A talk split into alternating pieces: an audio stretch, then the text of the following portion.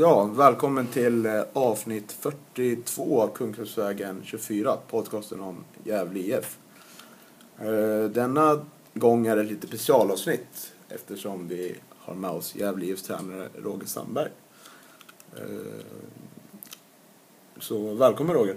Tack så mycket. Hur mår du?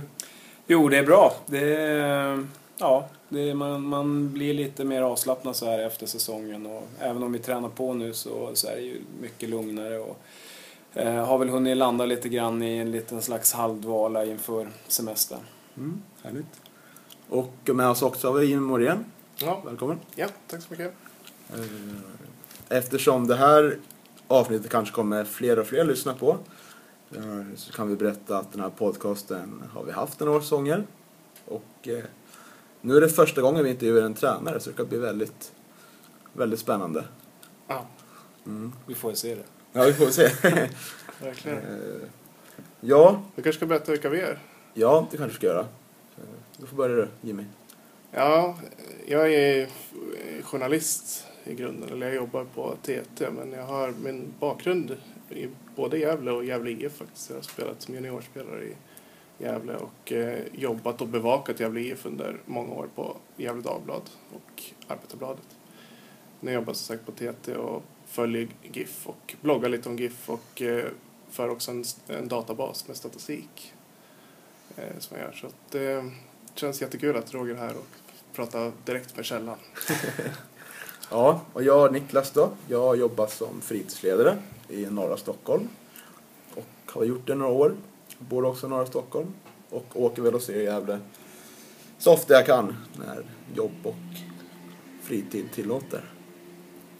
Och då får Roger presentera sig själv lite kort. Ja, eh, ja eh, först och främst så, så är jag väl här i egenskap av tränare för, för Gävle IFs A-lag. Eh, bor också här i Stockholm där vi befinner oss idag, eh, men åker mellan och eh, är flitigast på, på SJs snabbtåg mot Gävle och tillbaka. Eh, eh, har familj, tre barn, fru. Eh, och det är väl också en av anledningarna till att jag har valt att pendla till, till Gävle. Men det fungerar alldeles utmärkt. Så att, eh, nu har jag precis avverkat mitt andra år. Är fullt inställd på ett tredje år och det ser jag fram emot mycket. Mm. Ja, det är vi glada för.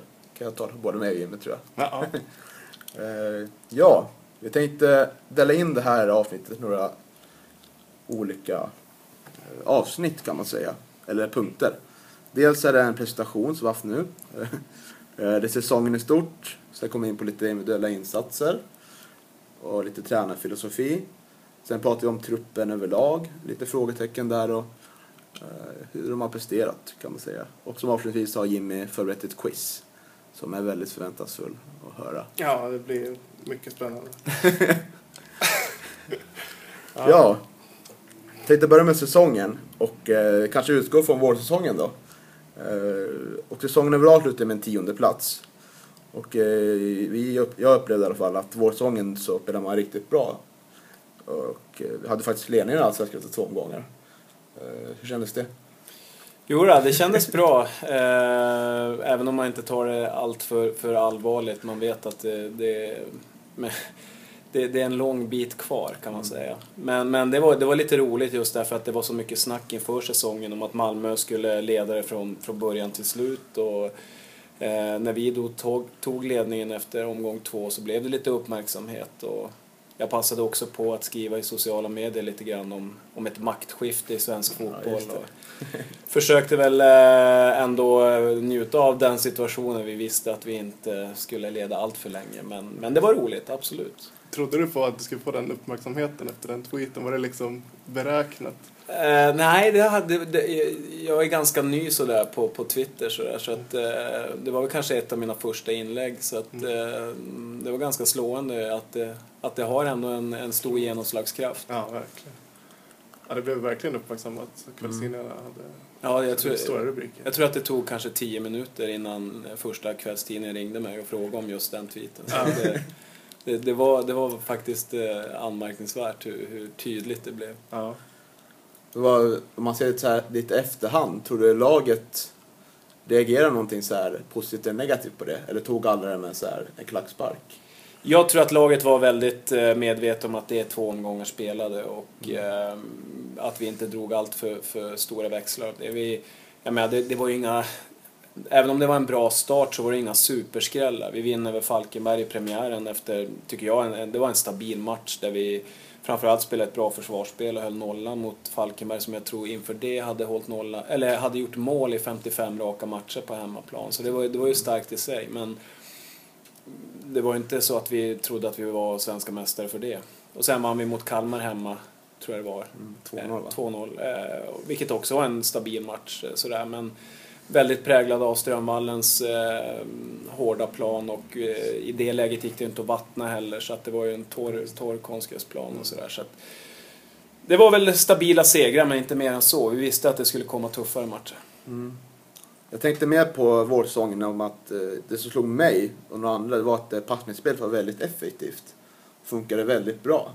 Mm. Offensiven överlag slog mig att det var länge sedan man såg Gävle så här anfallsglada och eh, effektiva framför mål.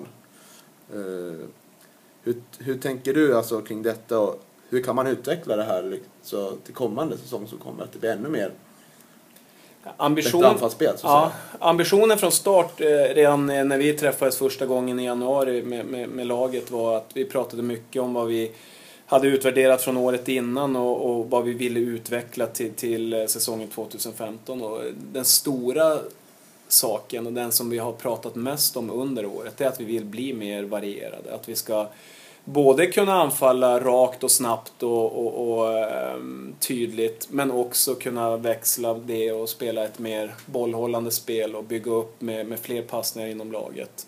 Eh, och det har vi ju tränat på från start och vi har pratat om det. Samtidigt så var vi ju ganska präglade av att vi skulle spela de tre första hemmamatcherna på Strömvallen. Och några tuffa bortamatcher som vi visste om också. Med, mm, framförallt vi spelade de första bortamatcherna på gräs där, i ett skede där vi inte kunde träna på gräs eh, för att eh, planerna inte är färdiga i Gävle vid, vid, vid den tidpunkten. Eh, så att jag skulle säga att de där första matcherna kanske inte var sådär... Vi var effektiva, det var vi absolut. Men vi kanske inte hade lika bra passningsspel som vi sen började få till mer och mer när vi kom ut på, på Gavlevallen. Mm. Gavlevallen säger, men vad var nyckeln till det här passningsspelet? Hur kunde du... För det har ju gått rätt fort. Okej, ni hade en omställningssäsong kan man väl säga, förra säsongen, första för dig. Men är är det, det här säsongen, det här är ju helt olikt ett spel som Gävle någonsin har haft. Det är passningsorienterat, mycket bollinnehav. Hur, hur, hur har du jobbat med den omställningen? Att få till det passningsspelet? Ja, dels så handlar det väl, det ska ju sägas, att det handlar ju mycket om vad man har för spelartyper. Det, det är, det, och det är helt enligt min tränarfilosofi att man måste spela det spel som, som det material man har tillåter. Och jag tycker att vi har fått in mer och mer sådana spelare som klarar av ett sånt här spel. Än kanske om jag jämför med Gävle för några år sedan där det, de inte riktigt hade de spelartyperna. Och kanske inte sökte de spelartyperna heller för man visste att man spelade på Strömvallen och eh, det, det var en helt annan grej. Vi har ju ändå vetat att vi ska ut på Gavlevallen som är fyra meter bredare och på en modern konstgräsplan som tillåter eh, också ett sånt typ av spel. Men sen har vi som sagt har vi fått in spelartyper och vi har kunnat under förra säsongen testa oss fram lite grann och, och eh, både vad gäller själva träningsinnehåll men också rent taktiskt hur vi vill bygga upp det och kunna se vem som passar var och hur, hur vi kan använda spelarna på bästa sätt. Så man, det, är inte så att vi på något sätt, bara för att vi kom ut på Gavlevallen, nu kör vi och så eh, började vi från noll där. Utan vi hade ju ändå pratat mycket om det här och vi hade, vi hade också tränat mycket på det här och jag tycker att även delvis förra året så fick vi in det lite grann pö om pö. Ja, Eh, så, så att det, var inte, det var inte så att vi på något sätt revolutionerade någonting Nej. inför den här säsongen. Nej. Men kanske att vi nötte lite ytterligare på det helt Mm. enkelt. Mm. Ja, det är en remarkabel omställning mot för, när man har följt GIF i alla år. Så det har varit samma typ av spel. Det spel som jag faktiskt spelade i juniorlaget under Thomas Andersson för 15 år sedan, när man var gammal. Som ändå var liksom, byggde mycket på kontringar. Man skulle ha stora forwards som kunde ta, ta emot bollar från ytterbackar. Eh, liksom felvända forwards. Och sen eh, bollinnehav var inte alls någon faktor liksom. Eh, det var kontringar och det var väldigt effektivt. Forward skulle göra målen och det ser man om man kollar tillbaka genom åren vilka, vilka som var gjort mycket mål är alltid forwards Mm. i, i GIF. Så. Och, jag skulle vilja betona det att det, det är inte på något sätt att vi ska ta bort det alternativet helt och hållet. Jag tror att vi fortfarande Ja, men det är bara att titta på den ekonomiska tabellen. Vi, vi, vi ligger sist när det gäller det. Vi, vi kommer aldrig att ha det bästa laget på pappret och det kommer att finnas många matcher där vi inte tillåts spela kanske det här mer kortpassningsspelet som vi, som vi stundtals gör. Och då gäller det att vi har andra alternativ också. Så det, det är därför jag pratar så mycket om variation. Att verkligen kunna, kunna ha, blanda upp med båda delarna. Eh, och sen lite grann utifrån hur, hur, vem vi möter och hur, hur förutsättningarna ser ut kunna, kunna försöka maximera det. Och vi har blivit bättre på det, det, det här kortpassningsspelet, bollhållande spelet, att bygga upp bakifrån med fler passningar. Men vi kan utveckla det ännu mer. Vi kan bli framförallt kunna kanske att, eh, bli rakare och snabbare när det är läge för det. Helt enkelt värderingarna. Vad krävs för att det ska bli så? Eh, ja, att, att vi tränar mycket på det och att vi, att vi hela tiden pratar om, om värderingar och helt enkelt att spelarna blir lugnare och tryggare och, och tar bättre värderingar ute på planen ute efter vad, som, Mm. vad det är läge för. Mm. Kanske kontinuitet med spelare? Kontinuiteten är viktig, absolut. Eh, för att, ehm, ja men det är bara att titta, de, de, de lag som lyckas, det, det är de lag som har kontinuitet. Och, eh, det är just därför jag känner mig väldigt, ehm, jag känner stor tillförsikt inför nästa år. Därför att eh, jag ser att vi har goda förutsättningar att behålla mycket, i stort sett allt och ha en kontinuitet samtidigt som vi kan spetsa det och göra det ännu Mm. vassare. Mm. Mm. Precis. Nu kom vi helt av oss här. Vi pratade Ja. om... Det var ett jättebra snack. Eh, Jag funderar bara vad vi ska gå in på nu. Eh, jag, jag, jag kan, jag kan eh, eh, gå vidare egentligen. Vi pratar om i inledningen och det, är- det, är- det, är en, det är en stabil inledning. Vi åker sen på en eh, förlust mot AIK på bortaplan. Ja, åker hem, möter Halmstad, gör en bra spelmässig insats där vi borde ha vunnit. Det blev 0-0. Men sen är det ju, sen tror jag det var dags för Norrköping och där har vi ju någonting som, eh, som ändå också är lite anmärkningsvärt vad gäller vårsäsongen och det är ju att eh, vi åker på några riktiga smällar. Eh, vi har Norrköping framförallt och vi har Djurgården och sen mot slutet av vårsäsongen så har vi även Elfsborg på bortaplan. Eh, Och Hammarby borta. Hammarby borta, men det kommer senare. Det är mer höstsäsongen. Eh, Men eh, i de här matcherna så... Dels så, så, så, så på tal om kontinuitet. Här har vi några matcher där vi saknar några spelare. Vi har bland annat Båt saknas mot Norrköping där. Eh, Och, och, ehm, Ehm, just på bortaplan mot duktiga motståndare som när vi möter både Norrköping och Djurgården är de i väldigt bra form. Ehm, och åker på tidiga underlägen och inte bara med 1-0 utan 2-0 och till och med 3-0 i, i, i båda de matcherna. Och det är, när vi tittar tillbaka på den här säsongen så kan vi konstatera att vi har släppt in alldeles för mycket mål tidigt i matcher. Mm. Eh, Det har varit en ökning av det och det är för många mål och det är också någonting att verkligen jobba med inför nästa år. och hur undviker vi det då? Lätta frågan. Ja, alltså vi, jag tycker samtidigt så i fjol till exempel, då började vi matcherna jättebra. Eh, vi hade lite problem i början av säsongen och sen så hittade vi en melodi som vi, som vi körde på. Eh, var väldigt tydliga och, och ehm, visste vad vi ville göra de första 10-15 minuterna. Och vi har egentligen jobbat vidare på samma sätt under det här året men vi har inte alls fått samma effekt. Och, eh, men det, det är mycket det det handlar om, att, att veta vad vi ska göra från start. Och även om vi får en lite tveksam start så behöver det inte bli någon panik utan eh, jobba på och veta att det är lång tid kvar av matchen. Eh, så att eh, jag tror att det är det man får jobba mest med, att, att ha en tydlighet i vad vi vill göra i inledningen av matchen. Och kanske vara lite mer cyniska än vad vi uppenbarligen har varit i år. Jag uppfattar dig som en väldigt lugn och pragmatisk person. Det märker man i intervjuerna och sådär. Men här kändes det som topplocket kan ha gått i någon halvtid där. Eh, Ja, Kan du berätta om det? Jo, någon, någon av dem. Jag vet att eh, ja, Norrköping var...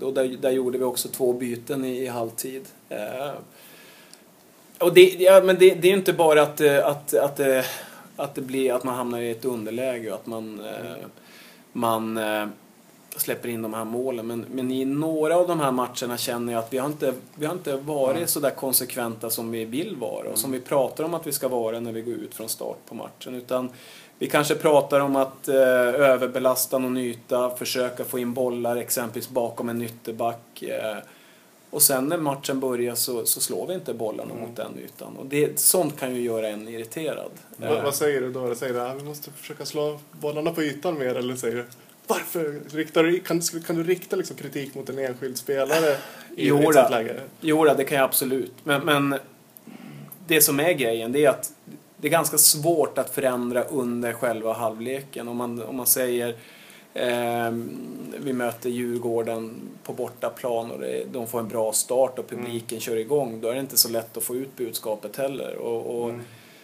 Då kan ju jag stå och gestikulera och skrika som en Mm. galning men det blir ändå bara ett spel för galleriet. Mm. Så att, eh, Men i pausen då? Hur? Absolut, då, då får man ju försöka få ut det man, det man vill. Mm. Och, och, eh, normalt så brukar jag försöka även i pausen ha en dialog med spelarna och prata om hur känns det, vad tycker ni, eh, vad, vad är problemen, vad, vad, vad gör vi bra och så vidare.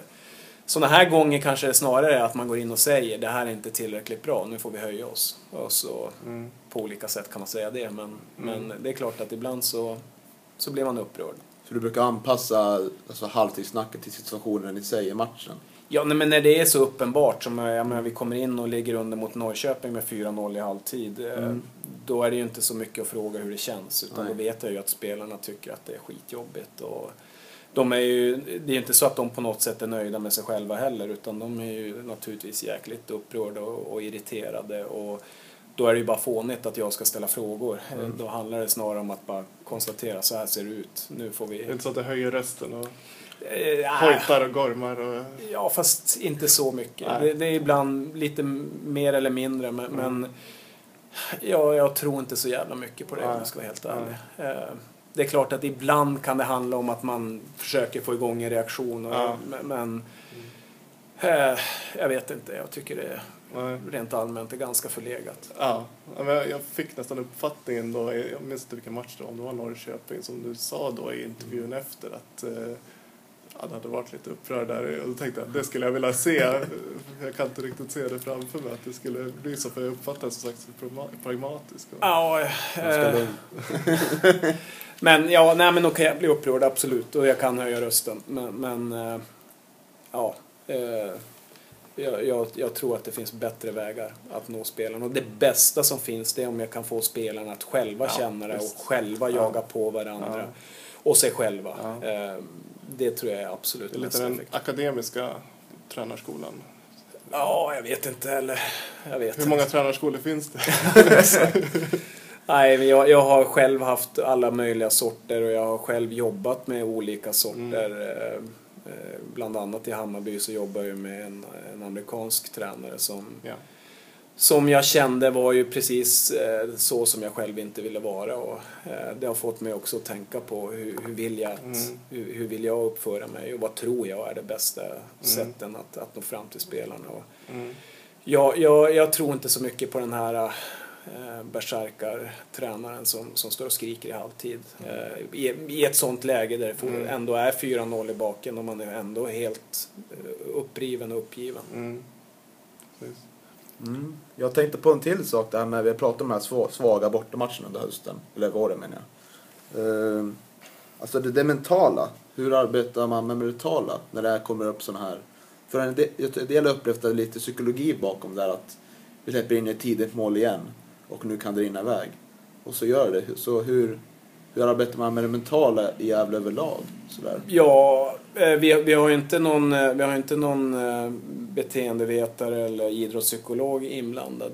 Den ekonomin har vi inte. Jag själv är personligen öppen för det och har, har jobbat med, med idrottspsykologer både i, när jag var tränare i BP och i Hammarby. Och kan absolut se fördelarna med det men eh, med vår tajta budget så, så handlar det om att jobba på andra sätt och det är väl snarare att, att eh, prata med spelarna. Eh, man får väl kanske själv försöka vara lite eh, lek, eh, lek eh, farbror och låtsas vara eh, psykolog eh, så gott det går. Eh, men eh, ja, det, det är väl kanske ett utvecklingsområde för klubben. Men, men som sagt var, den ekonomin finns inte i dagsläget. Nej. Mm. Ja, vi eh, pratade om våren nu och kände sig ganska klara med det. Det var, det var en ganska bra vår överlag tycker jag. Det Ja. var riktigt bra till. Det var det. Eh, det, det får man väl ändå säga. Det, var, det var en tuff avslutning där med Elfsborg borta också, som Mm. var också en sån där. Men det var en helt annan typ av... Då var vi väldigt sargade och vi hade många borta och vi, vi eh, startade matchen med fembackslinje på grund av att vi hade borta ett antal spelare. Och gör ändå en helt okej första halvlek, men sen när, de gör 2-3-1 snabbt i andra, då, då går proppen ur. Eh, och det, det handlade bara om att vi, vi orkade inte. Vi hade haft ett tufft spelschema precis innan också. Men eh, sammanfattat så var ju eh, våren absolut eh, godkänd. Mm. Ja, man gick in till sommaren då med det ja, som du pratade om, tunga mot Elfsborg borta. Eh, Men sommaren överlag, och speciellt juli månad var ju väldigt positiv. Det var ju en vecka man slog både Halmstad, Falkenberg och eh, det var ju obesegrade i juli. Om, om jag har rätt. Jag tror att vi hade sex matcher där i, juli, augusti och eh, vann två och eh, spelade fyra oavgjorda. Så att vi hade en ganska bra period där. Mm. Hade kunnat vinna ytterligare någon kan jag tycka av de där Mm. oavgjorda. Där hade man ändå Ormo borta en del va? Ja, det hade vi absolut. Eh, Men vi gör några riktigt, riktigt bra matcher. Lite ojämna kan jag tycka. Men Falkenberg är en stabil seger. Det var inget snack om det. Men, men sen så har vi några matcher så här, som Häcken borta där vi, jag tycker att vi kanske gör vår absolut bästa halvlek i den första halvleken där. Det var Eh, en straff sen va? Det var, det var straffen i den matchen va? Exakt, de får en straff eh, relativt tidigt i andra. Eh, Men, men vi hade ju kunnat leda med både 2 och 3-0 efter första och jag tror att vi hade ett bollinnehav på 68-32 i första på bortaplan mot Häcken. Det, det Ja, det var ju, det kommer jag ihåg, det var verkligen anmärkningsvärt och då visste man att nu har det verkligen skett en förändring här Mm. i spelsätt. Alltså, det är ett helt nytt GIF och all, alla de här gamla eh, myterna om GIF är borta nu. Och Mm. Det var ju då man började anmärka när folk skriver på Twitter och Aftonbladet skriver saker. Att de lever kvar i det gamla, liksom att laget som alla vill ha bort och tråkiga GIF och det här. Det, det är borta nu. Det är något Ja, det känns sakta men säkert som att det har ändrats, i, i, inte minst i media. Att det har, det har lite grann den stämpeln har Mm. eh, tvättats bort, eller nötts bort Mm. under den här säsongen. Så Ja. att, eh, någonting har hänt. Ja. Känner du stolthet över det? Eh, ja, fast det är ju inget självändamål i sig sådär. Det är inte så att jag, att, att det på något sätt eh, är viktigare än någonting annat. Trots allt så är det viktigast att vinna matcher. Men, men eh, jag är ändå nöjd över att vi ändå har kunnat skapa resultat med ändå en övergång och en, en utveckling. Mm. Det, det kan jag ändå in, inte sticka under stol med. Att det, det, det, tycker jag, det tycker jag vi har gjort bra. Mm.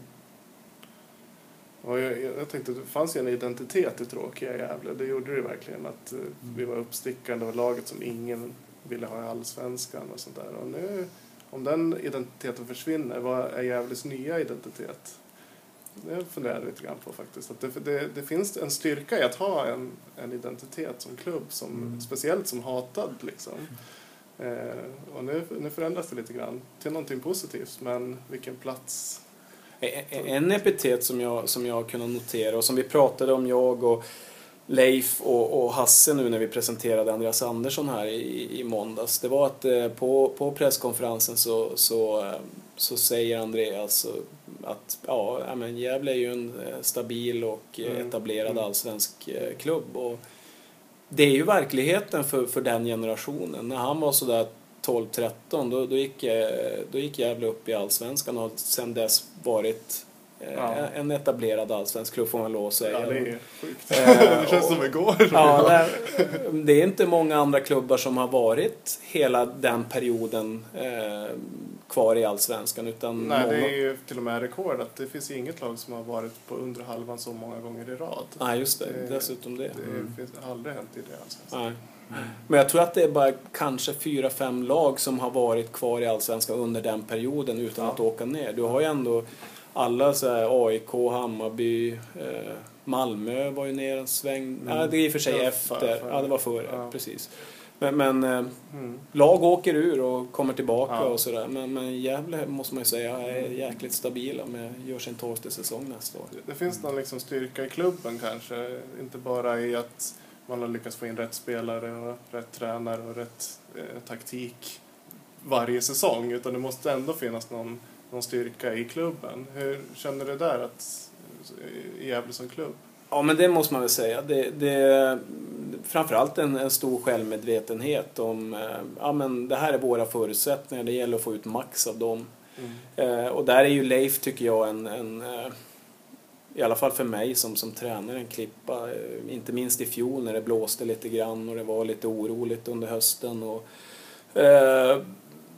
där kände jag bara ett stort lugn från hans sida och det var inga som helst eh, frågetecken där utan han bara, han bara stöttade och, och, och uppmuntrade oss Mm. och det, det betydde väldigt mycket i det läget. Är ni lite lika som personer? Jag får, har jag intervjuat Leif två, tre gånger från på Gefle Dagblad. Men man har ju läst och hört honom i intervjuer. Också uppfattningen att han är väldigt pragmatisk och lugn. Att ni kanske har en del grejer som är gemensamma, eller? Ja, det kanske inte är helt otänkbart eh, nu när du säger det. Eh, Jag tror nog att vi båda är relativt lugna och pragmatiska. Det, det är inget snack om det. Men, men eh, jag tror nog att jag ändå är lite hetare än vad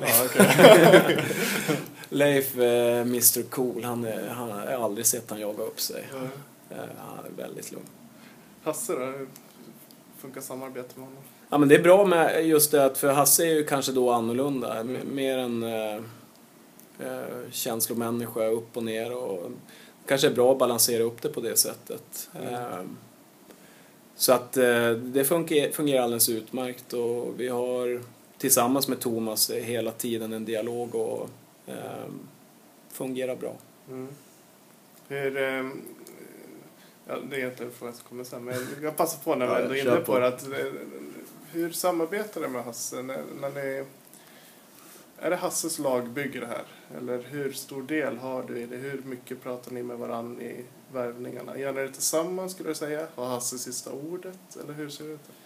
Uh, nej, jag tror, eh, nu har inte det på något sätt eh, utmanats någon gång men jag har väldigt svårt att tro att Hasse skulle säga nej men den här spelaren ska vi ha om jag säger nej. Eller, och Thomas såklart också inblandad. Uh, det, det skulle inte hända.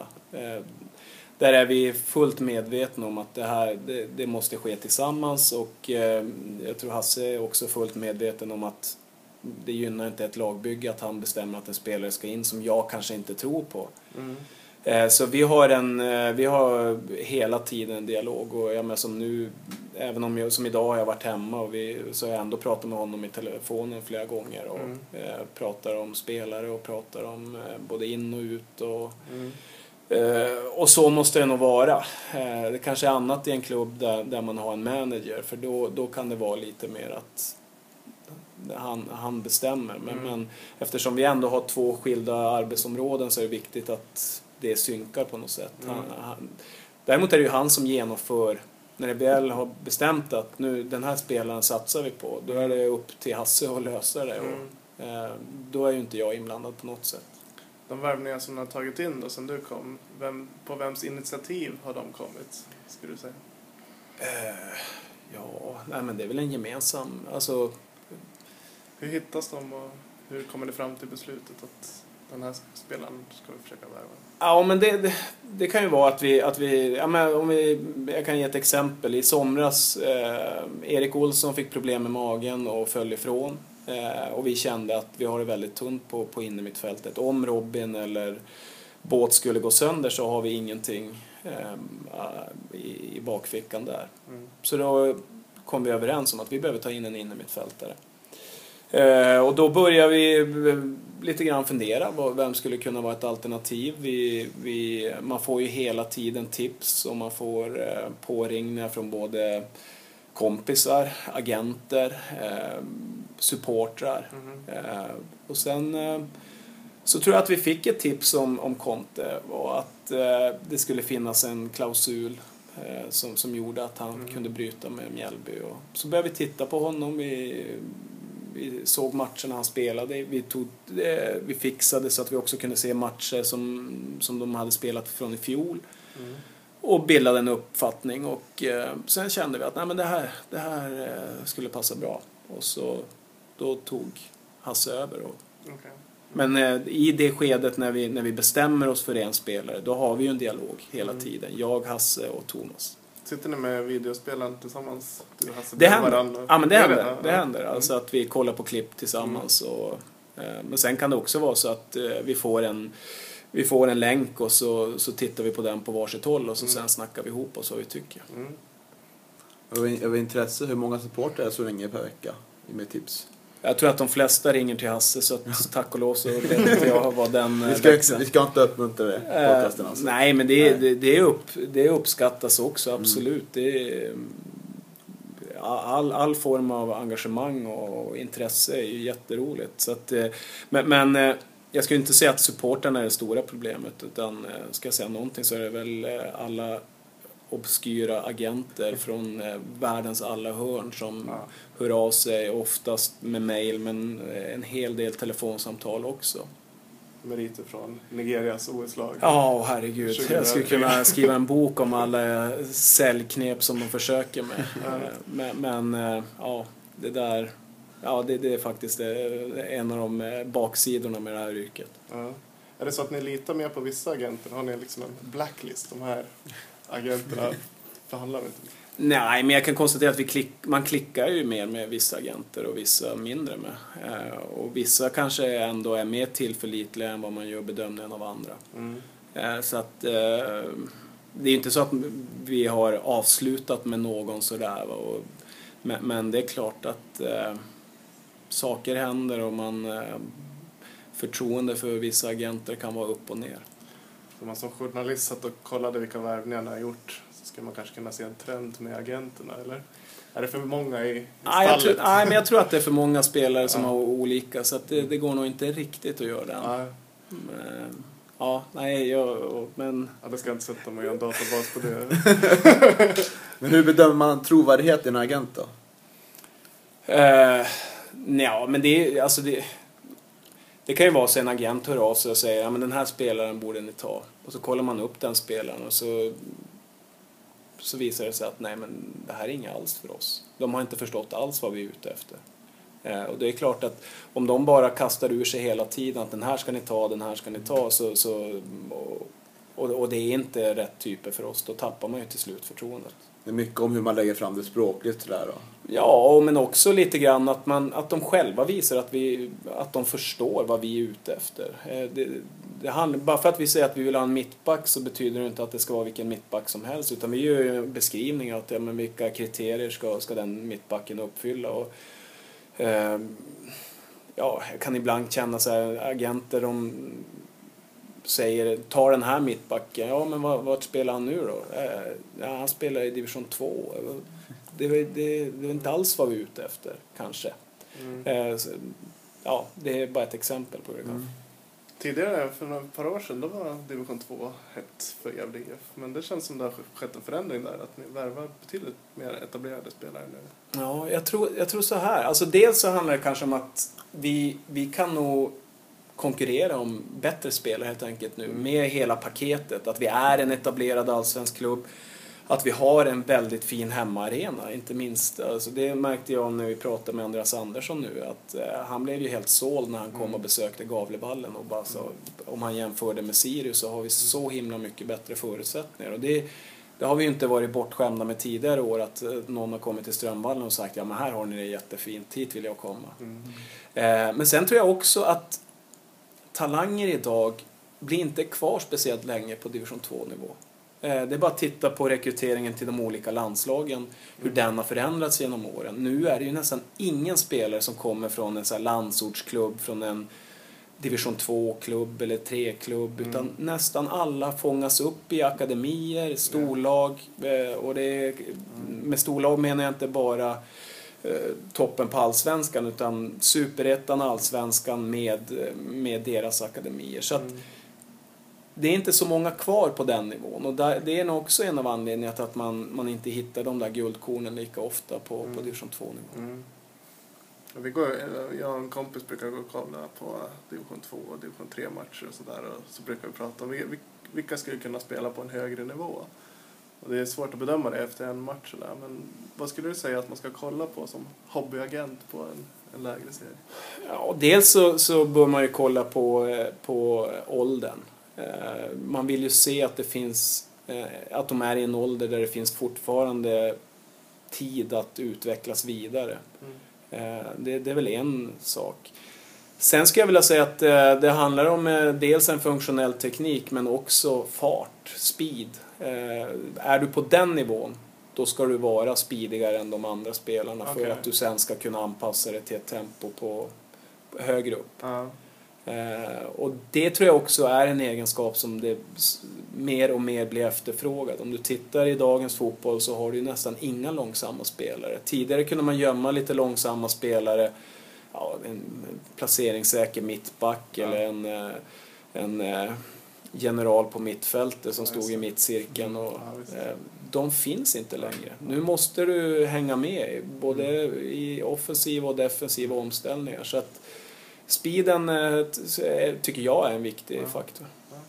Intressant. Ja, Det kan man väldigt. verkligen tänka på om man kollar på division 3-matcher eller sånt där. Mm. ibland. Att man kan se spelare som inte gör ett misstag på hela matchen. Det är bra blick och allt det så här. Men man, de visar ingenting om speed. Det kan vara en innermittfältare som står och styr totalt. Men, Absolut. men man vet ju ändå inte. Ja. om- Ja, men innermittfältare är ett, ett bra exempel. Du kan ju ha en innermittfältare som är fullständigt dominant på division 2-nivå Mm. och som dominerar spelet helt och hållet Mm. men som inte skulle räcka till Nej. eh, en division upp. Ja. Eh, Det, det, det kan vara så att gränsen går där, division Ja. 2. Där, sen går det för Ja. fort. Ja. Och sen kan det vara andra faktorer, att fysiken inte räcker till Ja. eller, eller annat. Men, men eh, just innermittfältare kan vara en sån eh, Ja. plats där du... Precis. Kalle Barling, förbundskapten för damernas U- U19. U19. Han myntade begreppet tröskelspelare som jag tycker är rätt bra. Som en spelare som inte märks på någon nivå men kan spela på alla nivåer. Mm. Håller allsvenskan men är lika anonym i division 5. Men på något sätt klarar av det. Va? Mm. Eh, Det är ganska bra uttryck det här, Ja. tröskelspelare. Jag, tror, jag tror att eh, Gävle IF rent historiskt har haft ganska många av den sorten. Daniel Bernhardsson Exakt, känns ja, men en jag tröskelspelare. ja, ja. Mm. Precis eh, på samma nivå oavsett om man spelar på Allsvenskan Ja. eller division 4. Ja. Eh, Alltid en, eh, en gedigen lagarbete. Ja. ja. Och liksom, allt är helt okej. Han har helt okej teknik. Ja, huvudspelet var faktiskt lite mer än okej. Mm.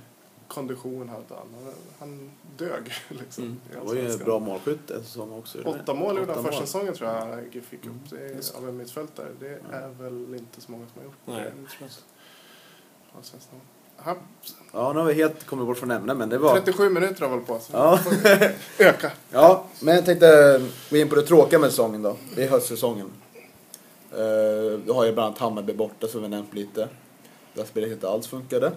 Eh, vi har Kalmar borta, mot heller så jätterolig insats.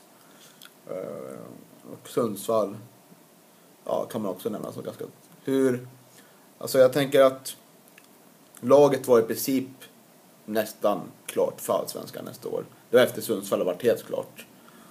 Eh, Men hur undviker man den här dippen på slutet? När, eh, när man ändå kämpade om en topp 8-placering i Allsvenskan. Mm. Hur det kändes som det ingick så här, en kanske omedveten mättnad från spelarna. Upplevde jag det från supporterhåll. Mm. Och hur undviker man en sån, om du håller med att det var en sån? Och hur gör man en bättre höstsäsong i framtiden?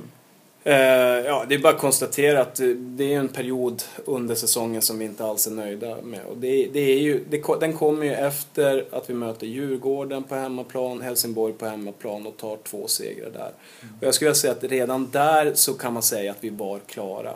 Eh, då, då hade vi ändå 32 poäng och det skulle väldigt mycket till att någon skulle vara ikapp oss. Så att det var inför Hammarby borta som, som vi gick in med, med de förutsättningarna. Det finns olika förklaringar. Eh, det är klart att det finns en risk att det eh, smög sig in en mättnad och en, en slags, eh, inte på något sätt medveten nöjdhet, men, men att det kanske fanns en nöjdhet i, hos spelarna. Och det, man ska väl dels ha klart för sig att det här är en situation som, som de här spelarna tror jag aldrig har varit i.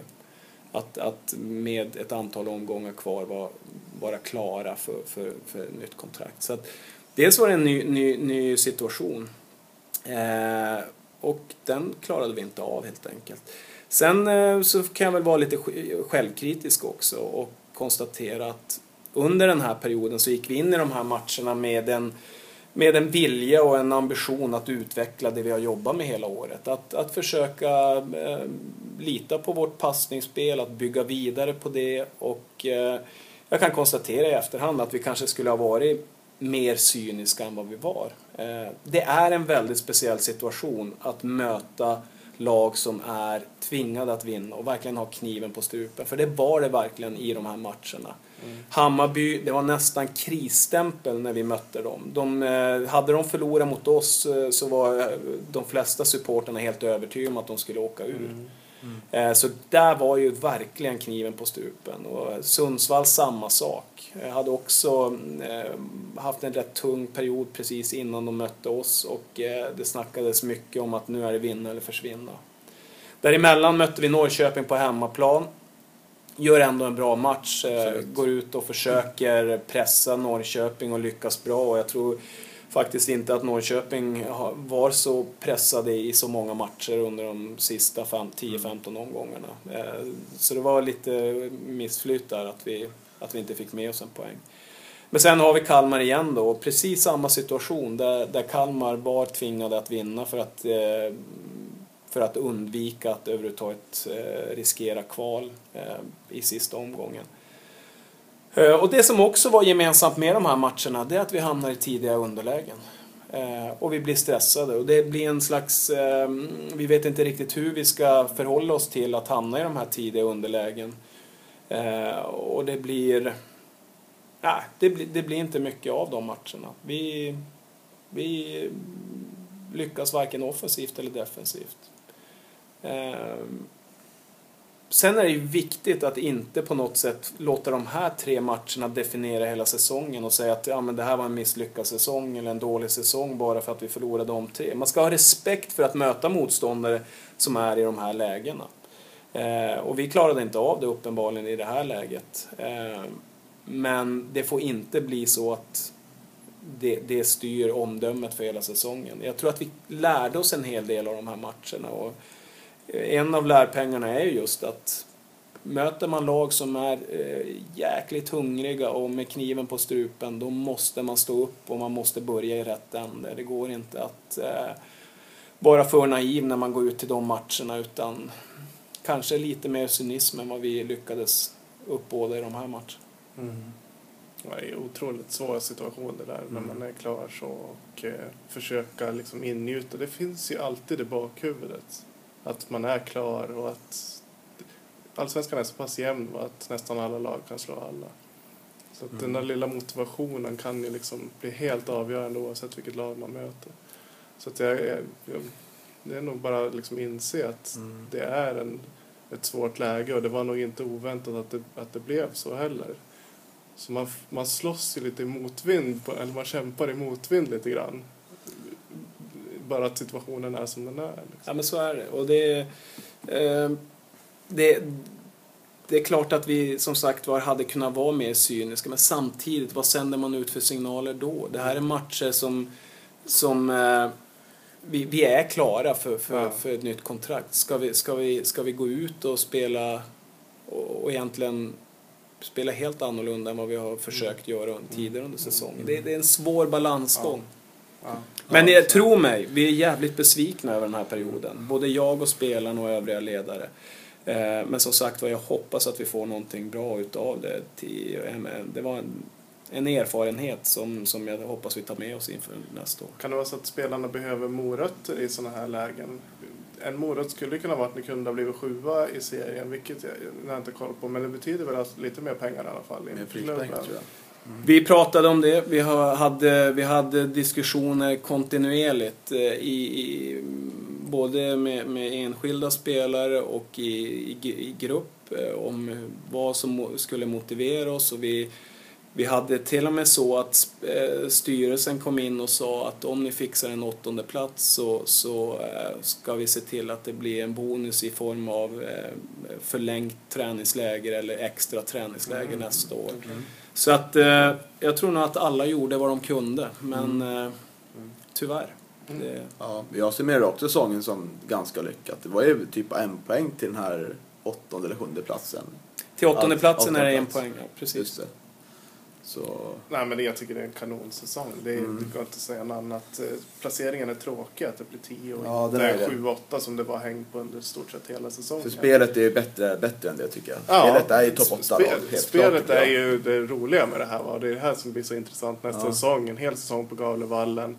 Det finns eh, en kontinuitet nu. Förra säsongen var ju jättetydlig omställningssäsong. Det var ju Mm. bara häng kvar en säsong nu så kan vi etablera någonting här. Den här säsongen tog GIF ett till steg. Och nu så börjar det på riktigt. Ja, vi hoppas det. Det är Ja. precis så vi resonerar själva. Eh, och, eh, jag tror att vi har skapat oss bra förutsättningar för att ta ytterligare ett steg nästa år.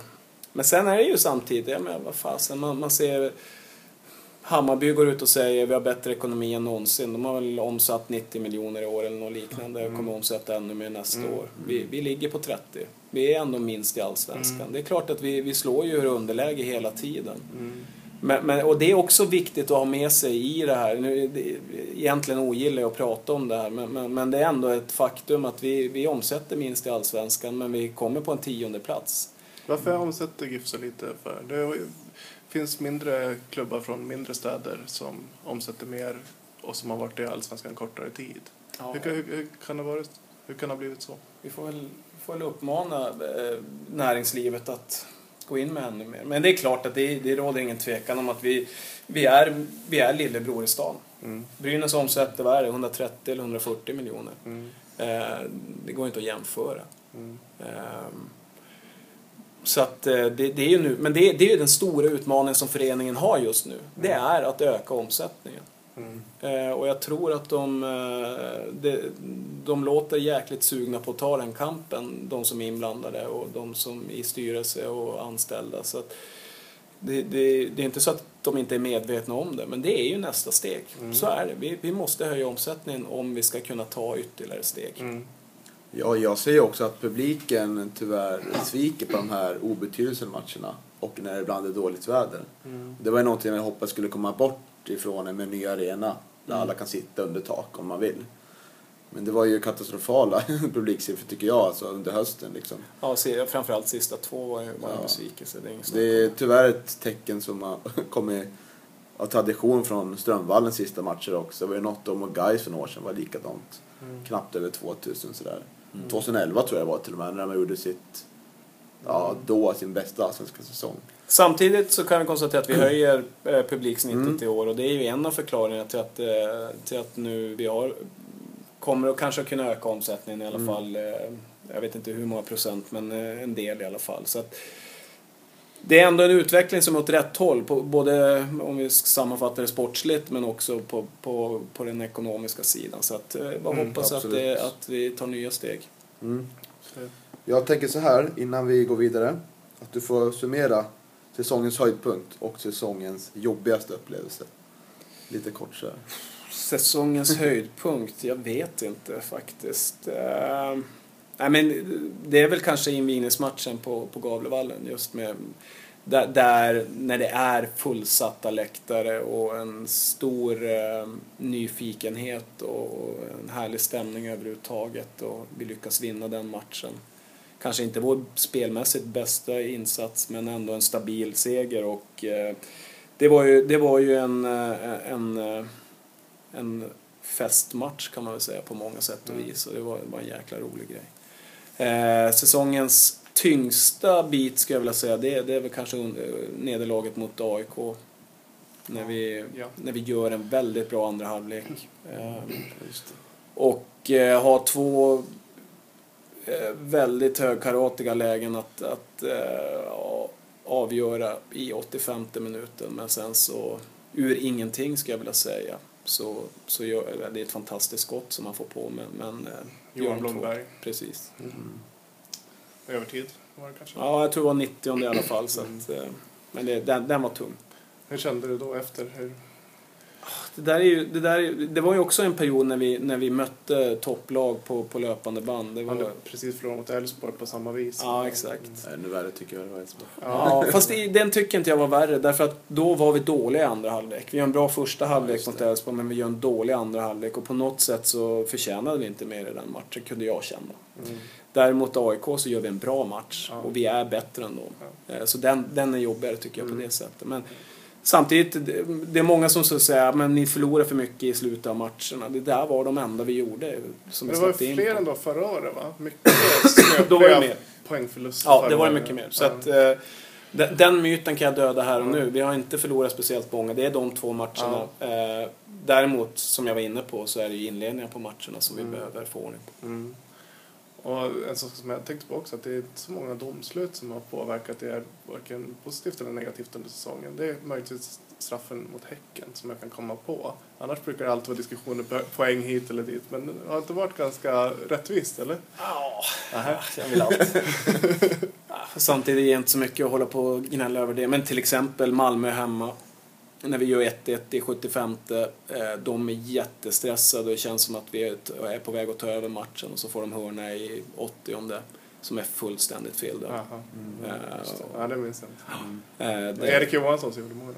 Precis på hörnan. Ja, som, jag kommer ihåg hörnan, alltså- men inte att det var fel. Där. Ja, nej men den, den, den tar på knät på Malmöspelaren, går ut i hörna Mm, och... Eh, så det var ju en sån där jäkligt snöplig förlust. så- Har som- ni med några poäng då för, så, som, som ni ska vara glada för? Ja, det finns säkert. Felaktiga? Jag, jag De kommer jag inte ihåg lika. Förra säsongen kommer jag ihåg att det var så mycket sånt som jag kände bara, man ska beräkna alla poängförluster på övertid och alla domslut som har påverkat och då tyckte jag att de skulle ha haft många, många fler poäng den här säsongen. Men det kändes som att ni fick igen det mycket den här säsongen. Och det var som Ingmar Stenmark sa, tur. Ju mer man tränar desto mer tur får man. Ja, nej men... Jag kan väl tycka att det är väl en utveckling som vi har gjort. Vi hamnar inte under lika hård press i slutet av matcherna som vi kanske har gjort tidigare år. Eh, då, då blev det mycket försvarsspel och man, man blev tröttare och tröttare och man hade till slut svårt att komma ut ur, de, ur, ut ur det egna straffområdet. Nu har vi ändå, tycker jag, även om det finns matcher naturligtvis där vi kunde ha gjort det ännu bättre, eh, exempelvis Elfsborg. Men där vi har blivit bättre på att behålla passningsspelet, spela oss ur deras press, eh, lyfta upp spelet på offensiv planhalva och då råkar man inte ut för lika många situationer sådär i eget straffområde. Exakt. Eh, Och det är också någonting att försöka utveckla vidare till nästa år. Att bli ännu tryggare i det vi ska göra. Så att i de här lägena när motståndarna jagar mål eller jagar kvittering eller ledningar så, så ska vi kunna våga lita på, på vårt grundspel. Ja, ska vi ta oss vidare? Vi tar oss vidare nu. Individuella insatser. Ja. eh, Vi tänker inte gå igenom varje spelare så gjorde vi förra podden. Det tog två timmar. Vi kanske kan, du kanske kan få lägga ut eh, texten själv kring... Är det några spelare du känner särskilt har tagit ett stort kliv den här säsongen? Eh, nej, egentligen så gillar jag inte att prata sådär och ge individuella eh, eh, omdömen om spelare. Eh, inte, om inte an, eh, förutom eh, positiva. Men, men eh, ja, någon spelare. eh, Jag tycker det är rätt många som har tagit steg. Eh, många som har utvecklats och, och blivit tryggare i det vi gör. Mm. Jag tänker ett exempel bara för, för att nämna någon. Det är till exempel Jens. Som, som ändå har, han, han är bra på att anpassa sig till, till, till hur, hur laget spelar. Han har ju varit en, en genuin Gävlespelare nu i många år. Och, Jens eh, Martin, Ja, jag tänker, precis. Ehm, och eh, som jag tycker under våren var väldigt stabil. Ehm, och, och, och anpassade sig till att bli mer bollhållande, hitta fler alternativ, inte bara söka forward med, med första passningen. Mm. Och det tycker jag är jävligt bra gjort då, av en Mm. spelare som, som ändå är så präglad av de år han har varit tidigare i klubben och är heller inte den yngsta spelaren.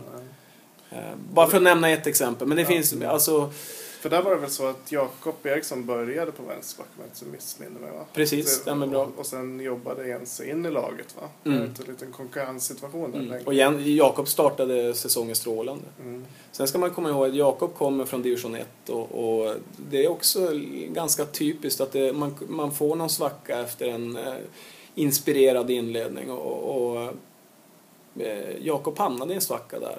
Mm. Eh, Och sen har han fått slita för att ta sig tillbaka. Men han har jobbat på stenhårt och sen fick han spela nu två av de tre sista Ja. matcherna. Och Mm. jag tror att han kommer att kunna ta ytterligare steg nästa år. Så att, eh, det, har varit en, det har varit en sund konkurrenssituation tycker jag på vänsterbacksplatsen. Mm. Jag känner om de unga spelarna och det har ju varit mycket prat om Hjälte och Chucho och eh, eh, Belander. Eh, hur känner du med deras utveckling under säsongen? Ja, det går inte, att, går inte att generalisera och dra alla över en eh, kam sådär. Men, men eh, ganska typiskt så som det är. Jag menar, Ciuccio tycker jag var strålande stundtals under våren och var ju, var ju hela tiden nära inhopp eller, och i många fall också hoppade in under våren och gjorde bra inhopp. Jag tänker Norrköping borta exempelvis när han kommer in i andra halvlek gör både han och Askren jättebra inhopp. Ehm, Men eh, har också varit ojämn. Och det, det är inget konstigt egentligen. Det är hans första A-lagssäsong på riktigt. Ehm, Detsamma gäller Hjälte. Mm. Ehm, Har, har, eh, jag menar, Hjälte gör strålande inhopp mot AIK exempelvis. Mm. Men har också perioder där han inte alls kommer upp i samma nivå. Vad det handlar om för många av de här unga spelarna är att hitta en jämnhet. Mm. Eh, och eh, orka rent mentalt köra varje vecka, varje träning. Mm. Eh, och det, det är en utmaning. Men jag tror att det har varit en bra säsong för dem. För de har fått känna på det här. Och de har fått spela från start och de har fått eh, hoppa in. Och de har, eh, tycker jag, sakta men säkert utvecklats. Och gör en bra avslutning med eh, Hjälte och, och Mm. Ciuccio till exempel. Mm. Så att... Eh, nej, det... Jag, jag hoppas att de tar ytterligare steg nästa år. Mm. mycket handlar om deras egen inställning till det här. Mm. Hur, hur, hur motiverade är de? Hur mycket är de redo att lägga ner på det här? Och Mm. Träna, eh, äta rätt, sova rätt, Mm. förbereda sig maximalt. Mm. Jag tänker på, jag tänker på om- ni har hört eh, podden med Olof Lund hade med Augustinsson, Ludvig Augustinsson så Ja, här, häromdagen. Eh, Den, den borde egentligen alla unga spelare lyssna på för att eh, där pratar Ludvig Augustinsson som jag också eh, tränade ett kort tag i BP innan, Ja, innan jag gick vidare. Mm. Då kom han upp som 16-åring. Jag har Mm. aldrig nästan, förutom möjligen Guidetti, stött på en så motiverad Alltså. och eh, ambitiös fotbollsspelare. Och det, det är mycket det det handlar Mm. om. Det kommer ett EM snart. Med där tror du? Eh, ja, det är väldigt hård konkurrens på vänsterbacksplatsen kan jag konstatera. Eh, om man till exempel som nu då i den här samlingen mot Danmark inte hade med varken Oscar Wendt eller Augustinsson då inser man att eh, Mm. då är det tufft. Mm. Men jag kan nog tycka att någon av dem borde vara med. De är ganska jämna alla fyra där. Ja, det känns så. Ja, jag ska inte hålla på med omdömen där men jag tycker, kan nog tycka att, eh, att någon av dem borde vara med. Och du såg matchen? Ja, det gjorde Hemma? jag. Eh, nej, om jag var så den live? Framför TV? Nej, framför TVn har jag sett båda. Ja, Okej. Hur kände du när Zlatan hängde 2-0? Nej, det var jättekul. Kul för svensk fotboll. Eh, Det är väldigt bra att vi kvalificerar oss för EM och på olika plan. Dels för det rent allmänna fotbollsintresset i, landet men, men också handlar det om en ekonomisk fråga. Jag tror att, jag läste någonstans i alla fall att eh, bara att kvalificera sig innebar 110 miljoner eh, in för, för förbundet. Mm. Det, är, det är sånt som eh, sköljer över hela svensk fotboll. Det är inte bara att pengarna stannar för, inom, inom Nej, förbundet utan det är sånt som även Gävle Mm. IF får ta del av. Idag såg jag en flash om att Allsvenskan ska fortsätta spelas under OS. Mm, det är så diskussionen går. Och det, är det klart? Jag såg Ja, så har hela jag hörde det, den utgångspunkten redan för sex sju veckor sedan tror jag. Eh, och det är ju helt enkelt, annars får vi inte ihop spelprogrammet. Eh, Hur ser du på det? Ja, eftersom inte vi har så många som är aktuella så bryr jag mig inte så mycket. Inte det? Kanske bara en konkurrensfördel. Nej, men... Publiksiffran tänker man kanske på. Jag vet inte hur det, sk- det kommer inte att kollidera där. Eller? Nej, det tror jag inte. Det- Dels så spelar ju... Det, det är ju kommer ändå vara- i, det är Rio. Ja, det kommer det vara kommer på något eh. Så att, eh, och det, det kan man ju styra så att inte det krockar några matcher. Ja. Men, men eh, ja, det är lite speciellt. Mm. Men så måste det bli tror jag. Det är att se ingen annan lösning. Nej, jag är pappaledig. Så. Passar bra det. Det finns ingen annan lösning som jag ser det heller. Nej. Eh, Jag tänker att vi går, det här hänger ihop lite med truppfrågan tycker jag. Ja. Vi kör den också Ja, nu, visst. jag. Jag hoppar dit. Eh, Kör. Då tänker jag på när vi pratar om lite anfallare här. Eh, Så går ju Belanders kontrakt ut. Om jag inte har helt fel. Du har fel. Har jag fel? Han har Ja. ett år till.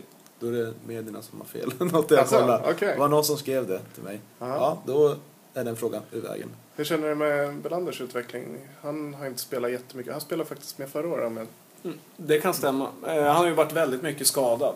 Eh, dels så var han skadad de sista tio matcherna tror jag nästan här på, på hösten och sen hade han en skadeperiod även under våren. Så att, Mm. eh, han har haft en jobbig säsong rent skademässigt. Okej. Eh, sen har det ju varit en tuff konkurrens. Vi har haft fem forwards.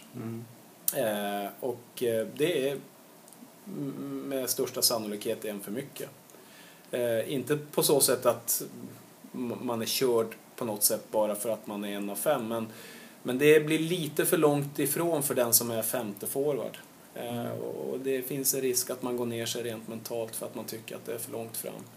Eh, och där, så som det är nu har vi alla under kontrakt inför nästa år. Det är fem, fem forwards som är under kontrakt. Och, och, eh, det handlar ju om att ta en dialog där också. Eh, och det har vi med, med Mm. till exempel Emil. Att, ja, vad är bäst för dig? Och vad Mm. tycker du själv? Vad, Mm. vad, vad, vad, vad är det bästa för din personliga utveckling? Mm.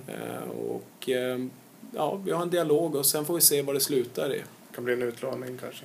Kan bli det. Mm. Eh, Men, men som sagt var, han är under kontrakt och vi, Mm. vi har ambitionen att fullfölja de Mm. kontrakt vi har. Men, men, eh, och det gäller ju med alla spelare att vi, vi har en dialog och försöker komma fram till vad som är bäst för, för deras utveckling och för, för, för klubben. Vi kommer inte värva en ny forward i alla fall. Eh, det vet man aldrig. Det beror på vad som händer. Men, men eh, som sagt var, vi har fem spelare under kontrakt. Mm. För det är det jag tänker på att Orem och Dio gör ju 18 mål tillsammans. Men när någon av dem varit borta så har inte målen trillat in eh, i anfallsposition lika mycket. Men du känner att du har förtroende för alla bakom, alltså de här tre bakom Orem och Dio. Ja, alltså, sen får man ju hoppas på... Ja, men vi har inte den ekonomin att vi kan ha fyra fullfjädrade forwards som, Mm. som alla har ett snitt på, på tio mål i Allsvenskan. Det, den ekonomin har vi inte. Men, så man får ju hoppas att det, att det, att det sker en utveckling också. Det, det är så vi får jobba. Och jag har en förhoppning om att, att det finns utvecklingspotential kvar i, hos de här spelarna förutom Johan och Dio som har spelat de flesta matcherna. Och, eh, sen som sagt var finns det en dialog och vi får se vad som händer. Men, eh, ja, vi, vi, vi får se vad som händer. Mm. Jag kan säga Belander gjorde faktiskt en fantastisk match den här säsongen mot Thorengruppen. Då var, eh, det var i och för sig en väldigt suddig stream han fick där uppifrån men det han gjorde var ju väldigt bra. Han var väl kanske bäst på plan den matchen skulle jag säga.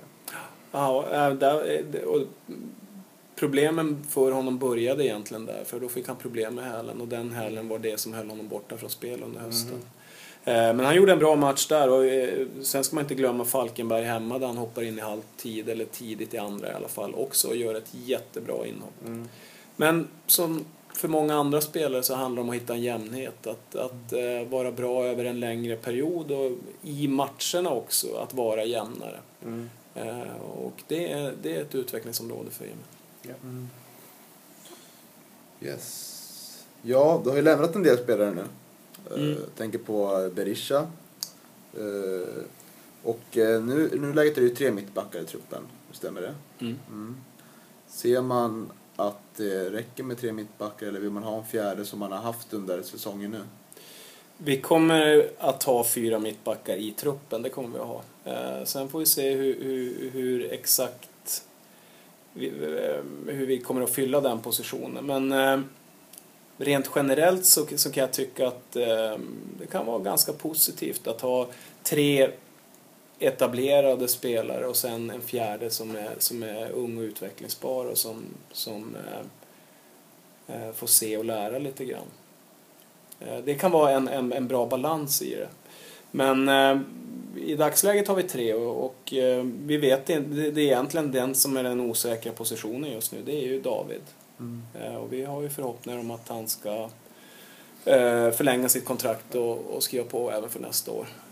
Och i dagsläget har jag inga indikationer på att han kommer att gå vidare. Finns det någon slags... Och med vidare menar jag att han inte kommer att gå till en annan Nej, ja, jag förstod det.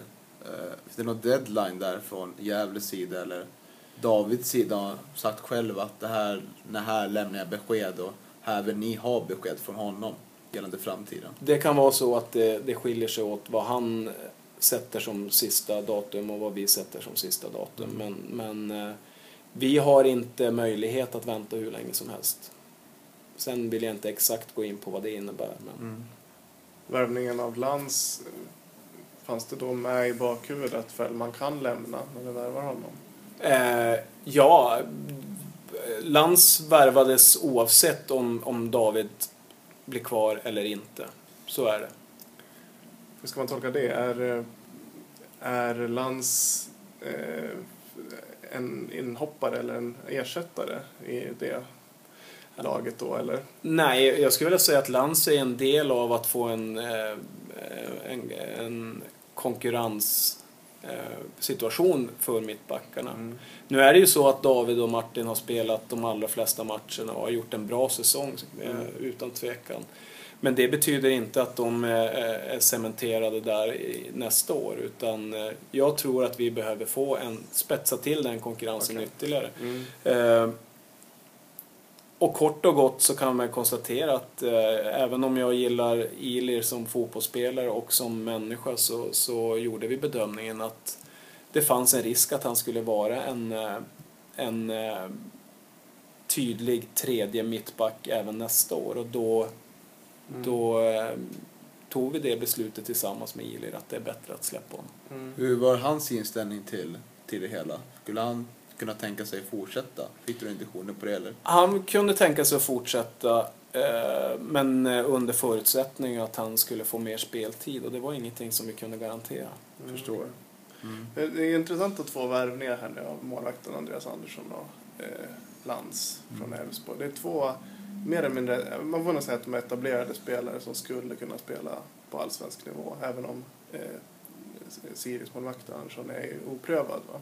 På så får man väl ändå säga att är man, har man bäst siffror i Superettan så är man ändå en potentiell allsvensk första målvakt. Och Lantz har mycket merit från allsvenskt spel. Eh, är det ja, du kommer säkert svara att det är en konkurrenssituation och kommer utmanas. Men det känns ändå som att med tanke på eh, budgeten som Gävle har att har man råd att ta in en andra målvakt eh, som, med den potentialen och en, en mittback som nog skulle platsa i de flesta allsvenska klubbar med tanke på den, de budgetramar Gävle har? Eller finns det någon mer agenda här? Ah, nej, alltså men jag vet inte exakt vad, vad, vad frågan var. men, men jag kan väl konstatera så här att eh, det är ju inte så att Gävle på något sätt har tagit i som man spricker rent ekonomiskt Nej, i de här, fråg- Nej. eh, i de här värvningarna. Det är klart att eh, kvalitet får man betala för. Vi har, vi har, vi har hittat en nivå tror vi som, som är fullt eh, rimlig och eh, det är inga monsterlöner på något sätt. Men det vi har, det är tror jag en lite intressantare produkt än vad man kanske har haft tidigare år.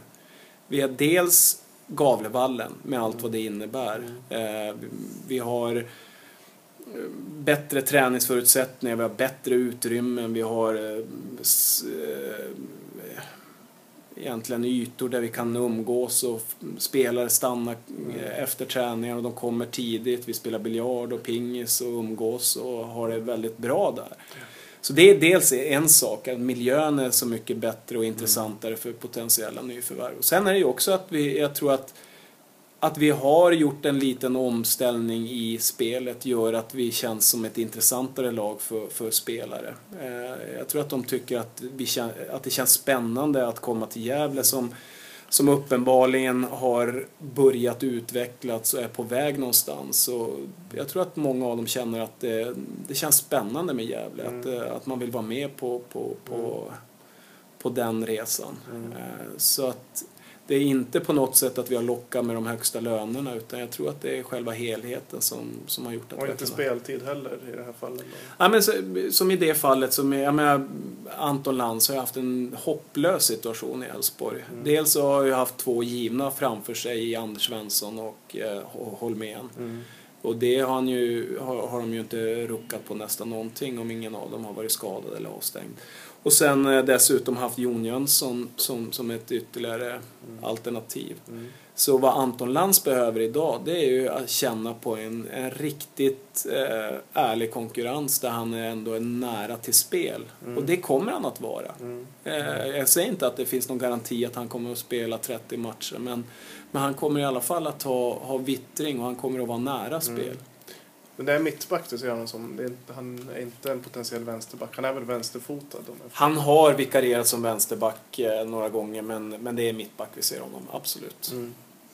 Och målvaktssituationen, hur känner du? Är det är det 50-50 när ni går in i nya säsongen där eller? Ja men det ska jag säga. Mm. Det är 50-50. Det är må bäste man stå, så mm. enkelt är det. Mm. Eh, och det tror jag det tror jag även att Emil eh, utvecklas av. Eh, det var inget bra år ur den bemärkelsen att Sasha gick sönder på ett tidigt stadium ehm, och, och Soran kom in under hösten men var inte fulltränad eller var inte, eh, och, och gick sönder och var, var eh, in och ut ur spel på grund av skador. Och det har gjort att den konkurrensen har inte varit så bra mm. som den hade behövt vara. Mm. Jag ser också det här bevarmärkt att att Gävle har liksom, man har gått från ett, ett lag som alltid hamnar i bottendiskussioner, även inför den här säsongen, att nu man höjs och vara stabilt mittenlag. Spelare kanske inte bara ser en utvecklingspotential här, eller jo det gör de ju, men att här kan vi ändå bli en mittenklubb. Mm. Här kämpar vi inte bara för att spela bottenfotboll, här kan vi ta ett steg vidare och spela mitten. Ja, men som, där, mm. Därför att värva spelare i topplag i Superettan det är inte någonting jag har sett Gävle göra tidigare. Nej. Jag tycker det är styrke, styrketecken.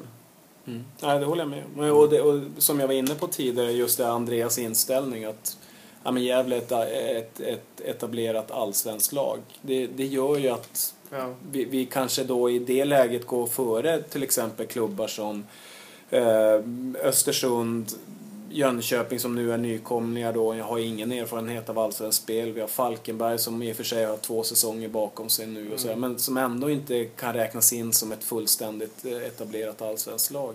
Mm. Det gör att vi har en fördel i det här, mm. absolut. Eh, sen, sen gäller det att inte på något sätt eh, luta sig tillbaka och slappna av för det, men, men det, det är den konkurrensfördelen vi har just nu.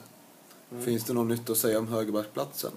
Tänker på den platsen med leder bakom Ja, nej, men det, precis, ja, men det är en sån situation där vi också söker en konkurrens. Mm. Eh, och där vi, där vi eh, är i full gång och eh, har siktat in oss på, på ett par spelare. Mm. Och eh, det kommer säkert att hända någonting de närmaste dagarna, veckorna.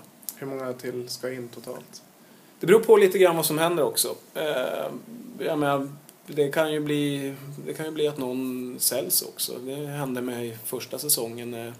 Första veckan helt plötsligt så, så får vi ett bud på Orlov och Lundevall.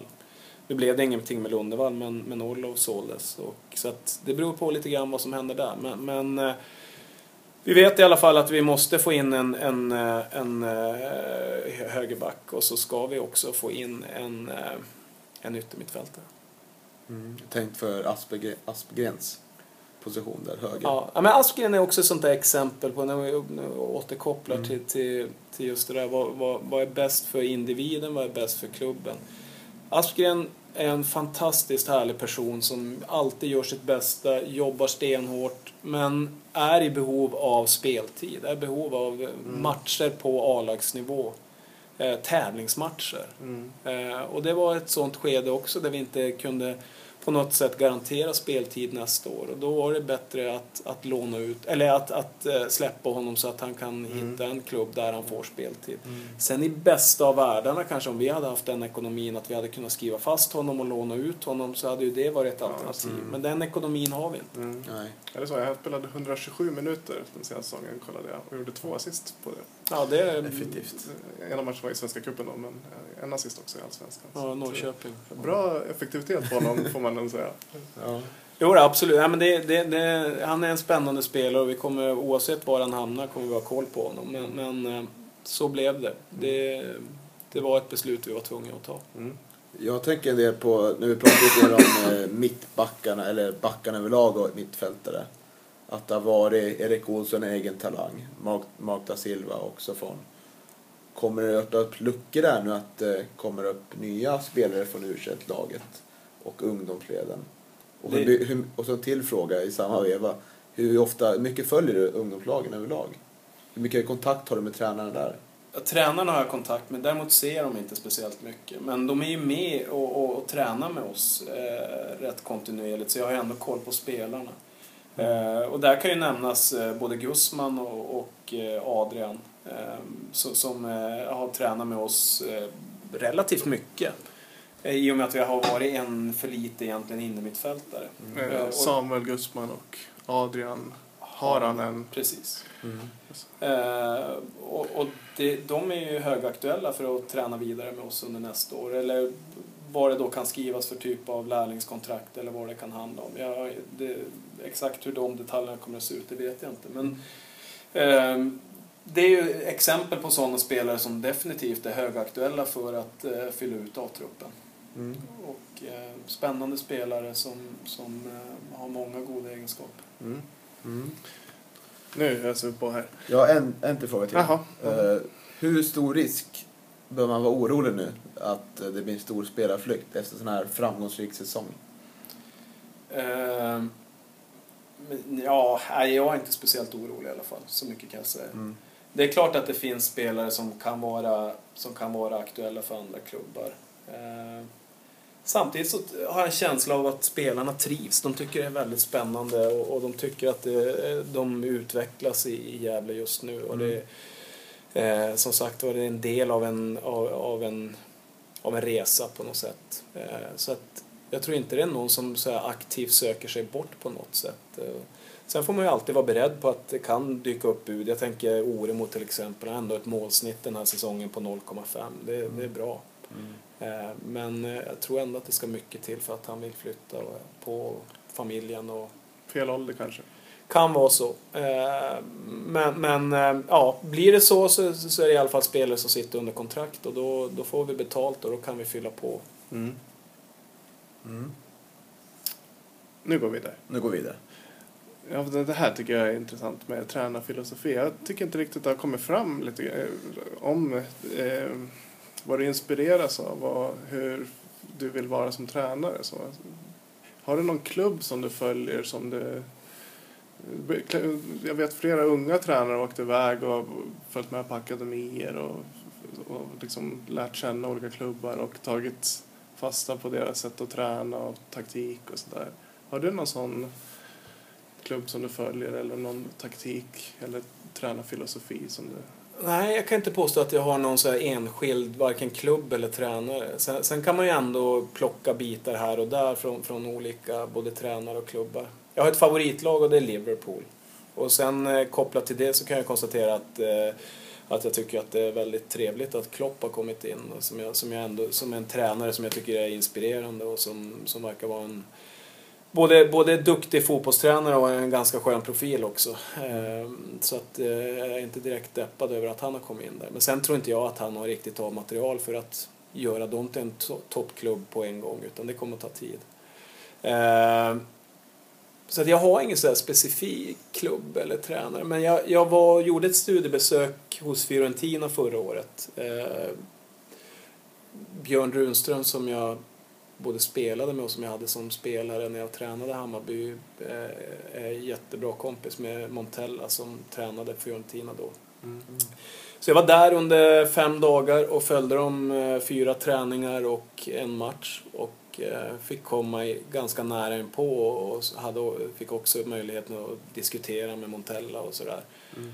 Så de följde jag ganska tätt och tajt förra året och, och eh, eh, tyckte det var spännande att just det, kunna koppla det man hade sett i träning till match och Ja. även fortsättningsvis under säsongen. Och de gjorde ju väldigt bra utifrån sina förutsättningar i Serie A. Jag tror de slutade på en fjärde plats och gick ganska långt i Europa League också. Var det några särskilda detaljer du... Ja, men det var lite grann träningsupplägg. Mycket nöta spelmönster och, och eh, mm, både med och utan motståndare prata mycket spelmönster och träna mycket det. Och det har vi nog, kan jag säga, ökat på under det här året med, med, med, med Gävle också. Att, att, vi, att vi nöter mer spelmönster och hur vi vill att det ska se ut. Och, Mm. ehm, Tycker ni att ni spelar Gävle som nära din tränarfilosofi? Det där, tränarfilosofi är så svårt. Alltså, du, vi har konstaterat att jag är pragmatisk. Ja, och det är jag också även vad gäller eh, spelarfilosofi, eller spelfilosofi. Eh, Det viktigaste är att vinna matcher. Och, och, och det viktigaste en tränare kan göra, skulle jag vilja säga, det är att anpassa spelfilosofin efter de förutsättningar man har. Och det är allt ifrån till vad har du för material till vad, hur ser de yttre förutsättningarna ut. Eh, Till exempel så var ju Strömvallen en begränsande faktor. Mm. Så att, men, men ja, alltså om jag får välja så, så, så vill jag ju ändå kunna kontrollera matcherna mer än vad vi kanske gjorde under fjolåret. Eh, och, och det har ju varit en utveckling åt det hållet under det här året. Mm. Och det handlar inte bara om att vi ska på något sätt underhålla publiken eller så, utan det handlar om att ge sig själv bättre förutsättningar att, att komma till de lägen man vill komma. Och, och också att, att eh, det är jobbigt att försvara sig hela matcher. Och ligga på ett eh, bollinnehav på 40% är jobbigt både mentalt och fysiskt. Och eh, vi har ökat bollinnehavet och antal passningar i år och det tror jag också gör att spelarna har känt att de orkar mer i matcherna och det, Mm. det är också mentalt eh, lättare i slutet av matcherna. Mm. Ja, det- man tänker, anledningen till att jag ställer de här frågorna det är naturligtvis för att liksom Gävle-publiken är skolad med Pelle under alla år. Man har ju liksom, jag som har spelat under Pelle men också Gävle-publiken som under alla år har lärt sig Gävles spelstil. Liksom. Men det- De kan ju det mer eller mindre utan, det var inte bollen av viktigt utan det var kontringar, och det var stora felvända forwards. Och, ja, men det, det, liksom, jag tror folk visste, man visste vilken boll som skulle slås. Liksom. Det, det var nog väldigt taktiskt kunnande, stort taktiskt kunnande i, Gävle-publiken tror jag. Och sådär. Men jag tycker ju att det finns någon tydlighet i, i det du gör också. Det, Jag skulle vilja säga så här, eh, vi har ju gjort en förändring under det här året och det är ju i den här speluppbyggnaden så har vi ju skjutit upp ytterbackarna mer. Eh, vi har flyttat in David centralt, Martin mer ut mot vänstersidan och så faller Båt ner på, på Mm. högersidan. Det är, om, man, om man tittar på just den biten så, så handlar det ju dels om vad jag tycker att vi, att vi maximerar. Vad, vad, vi, får, vi, vi sätter spelare som, som, eh, som är bra på de bitar vi vill ska, ska kunna komma i kontakt med bollen. Eh, Men det handlar också om, om att, att göra det allmänt svårt för motståndaren genom att göra platsbyten.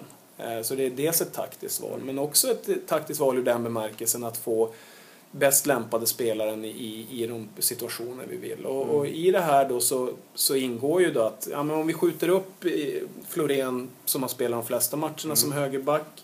Vi får ut Båt i den här positionen. Robin mer centralt, vilket han trivs bättre med. Eh, David, Martins eh, lugna och trygga med bollen. Eh, trebackslinje, när vi oftast ändå möter två forwards. Gör att vi får tre mot två och eh, ger oss själva möjligheten att spela loss. Mm. Därifrån så får vi in La- Lanto in centralt. det är Eh, en tydlig grej. Ja, och med Jesper då i en uppflyttad position som nästan blir, tar, tar eh, Lantos position Ja. som, som traditionell yttermittfältare. Yes. Och det handlar lite grann om att maximera. Jag, jag tycker att Anders Båt är väldigt duktig på att eh, värdera. Eh, sen kan han utvecklas ytterligare, men att värdera. När ska vi behålla bollen? När ska vi ta den framåt? Vilken är den rätta passningen utifrån den position som han får? Är det att spela en lång rak bakom backlinjen? Är det upp på lant och tillbaka spel mot, mot eh, Florén? Eller är det ut på Florén som sen lägger vidare? Eh, jag skulle säga att Båt är den som är bäst lämpad att, att styra mycket av våra uppspel.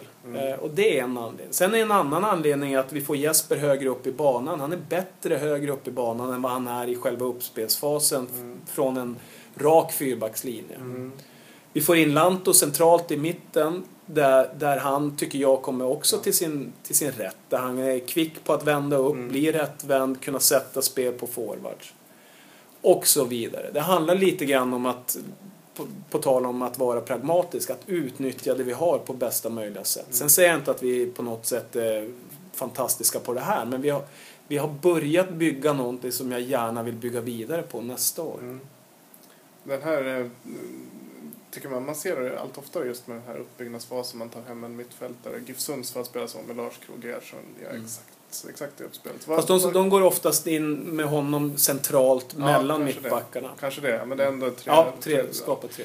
Vad kommer det? Är det något nytt? För jag tycker inte att jag känner igen det liksom tio år tillbaka i tiden att man byggde upp spel Ja, jag skulle nog säga att det är en ganska... Eh, Vad kommer det det ifrån? en utveckling. I, ja, men, och eftersom de flesta lagen som man möter spelar med två forwards så känns det ju rätt meningslöst att man själv ställer upp eh, med, med fyra backar och spelar loss. Eh, det ska räcka med tre. Ja. Mm. Dessutom så om du ställer en fyrbackslinje mot två forwards då har du en automatisk låsning av mittbackarna i och med att de två forwards Ja. är i stor, i stort, stort sett på mittbackarna. Eh, och då blir det svårt med vändningsspel. Om du istället har tre stycken så hamnar du lite grann mitt emellan eh, de här eh, två forwards. Mm. Och ger dig själv förutsättningar att spela loss och Mm. spela förbi dem. Mm. Ja, intressant. En annan detalj i det, det är ju att vi söker mycket spel från höger, spelvändning ut mot vänster. Eh, Och där är ju då Robin en viktig spelare i vändningsspelet. Mm. Men sen också i, i de bästa stunderna att kunna, kunna spela loss ut mot vänstersidan där Bertilsson har spelat som mest. Där de kan skapa med snabba vändningar två mot en situationer tillsammans med, Mm. med ytterback. Mm. Så det, det, är, det är en ganska tydlig, tydlig spelidé vi har. Sen är det inte alltid vi lyckas. Nej, men- man ser det framför sig precis nu när du beskriver det. Liksom. Mm. Det där har man ju sett del av säsongen. Det- Sen, sen gäller det just att, att, att vara duktig i de här värderingarna. Att, ja, men nu är det inte läge att lägga den här på Lanto för där är det jävligt trångt. Vi ska sätta in den bakom. Mm. Eh, få ner några bollar in bakom ytterbacken med forward som löper in. Och sen få dem att bli lite utspridda. Och så, så ibland får man börja i den andra änden och så sen så får man eh, komma tillbaka och tvärtom. Mm. Så att, eh, Mm. det är hela tiden lite grann beroende på motståndaren också. Yes. Ja, är vi klara med tränarfilosofibiten? Det kan jag som tycker. Ja, men jag hade en fråga som jag tyckte Ja. var inte, som jag funderade på. Det är, om det finns liksom ett missnöje med någon, någon spelare är missnöjd över att de inte blivit uttagen eller det är någonting som, som inte funkar. Så hur hanterar du sådana situationer? I den bästa av världarna så finns det ju en dialog hela tiden med spelarna. Eh, sen, sen, den dialogen är som enklast att upprätthålla under inledningen av en säsong. För då, då är det mycket kvar och man... Eh, spelarna har fortfarande hoppet om att eh, ta den här platsen som de siktar på. Eh, sen, sen har ambitionen naturligtvis att ta den dialogen över hela säsongen, men det är svårt. Mm. Eh, och eh, ibland blir spelare missnöjda. Och då uppmanar jag dem att kom till mig så pratar vi om det. Jag försöker alltid att ha en dialog med spelare som har spelat eh, ena matchen från start och blir petad till nästa. Ja. Den då har jag alltid en diskussion. Samma sak om det är en spelare som har suttit på bänken eh, men som blir eh, flyttad ut ur truppen och upp på läktaren Mm, mm. så har jag också en diskussion. Mm. Sen är det ändå upp till dem att eh, komma om de vill ha längre förklaringar eller utförligare förklaringar. Men det är svårt mot slutande säsong att återupprepa sig för, för tionde gången och säga att eh, ja, men det är av den och den anledningen. Mm. Man ska ändå ha klart för sig att fotboll är inte som, det är inte som i skolan där du har tydliga betygskriterier och där du ska, ja men du ska, din analysen eh, funkar inte här, du måste utveckla den. Utan fotboll är en helhet. Och i slutändan så handlar det oftast om att jag gör bedömningen att du inte är bättre Mm. än din konkurrent i det här läget. Eh, och ibland så måste man vara så pass rak och tydlig. Mm. Eh, och det är inte så jäkla roligt varken för mig eller för, för den spelaren som man säger det till. Men så är det. Mm. Eh, och, som sagt var, det handlar om en helhet och det handlar hela tiden Mm. om vad vi tror är det bästa för laget inför Ja. varje enskild match. Jag förstår precis hur du menar, att man vill ge konstruktiv kritik till spelaren. Men det kanske inte innebär att den ändå går in på bänken eller går in i startelvan. Nej.